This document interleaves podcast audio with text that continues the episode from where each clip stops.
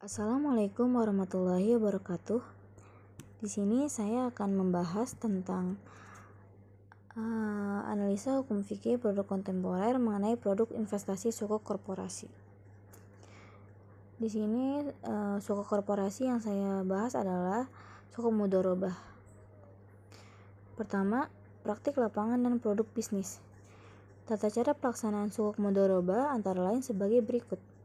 Pertama, investor menyerahkan sejumlah dana sebesar nilai sukuk kepada emiten dan emiten menerbitkan sukuk mudorobah dengan nilai tertentu.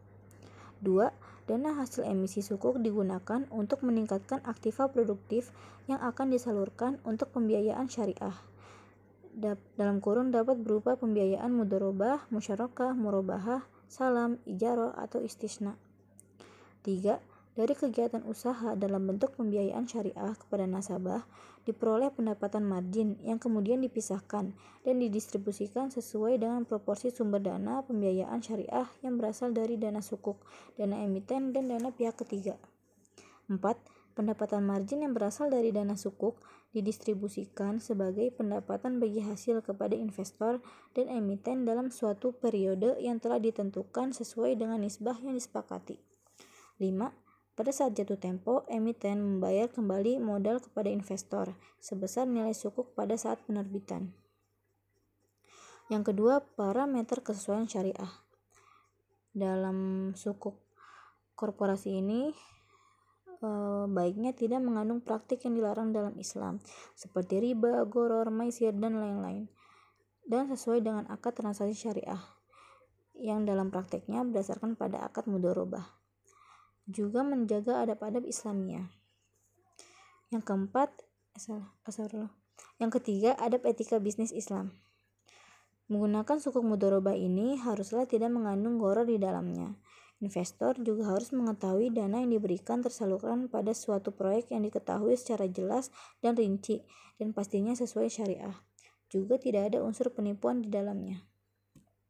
Yang keempat, usul fikih berdasarkan firman Allah Subhanahu wa taala yang berbunyi, Hai orang-orang beriman, janganlah kamu saling memakan harta sesamamu dengan cara yang batil, kecuali dengan jalan perniagaan suka sama suka di antara kamu, dan janganlah kamu membunuh dirimu, sesungguhnya Allah Subhanahu wa taala Maha Penyayang kepada dirimu.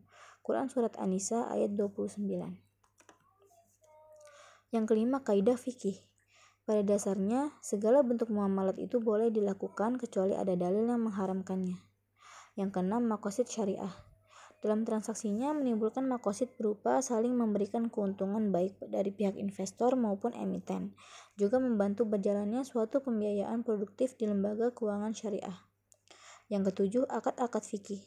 Sesuai dengan namanya, sukuk mudorobah, maka acuannya pun serupa dengan akad mudorobah, yaitu berupa bagi hasil.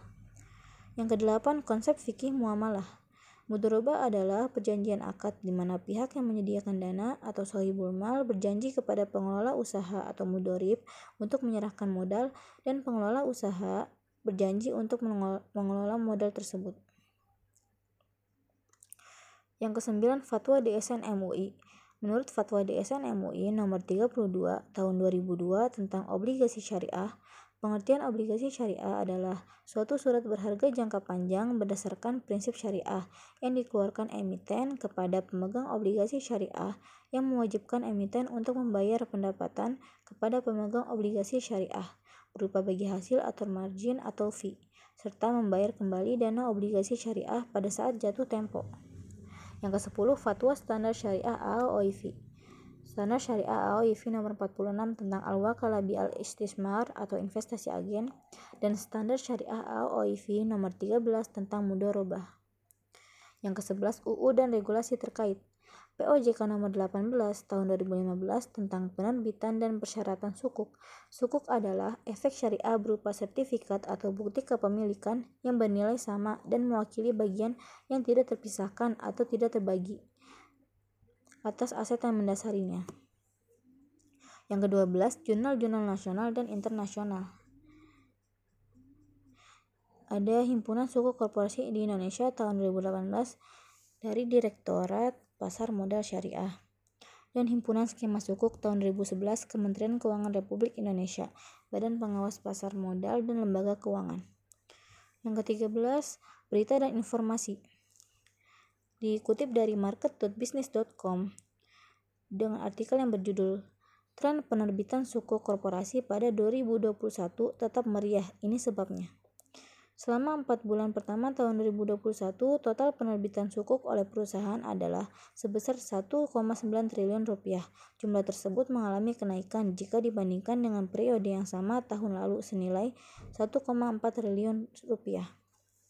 Yang ke-14, manajemen risiko dan manajemen pemasaran untuk membangun manajemen risiko yaitu dengan menimbulkan rasa amanah dari masing-masing pihak baik dari investor maupun emiten. Sekian dan terima kasih.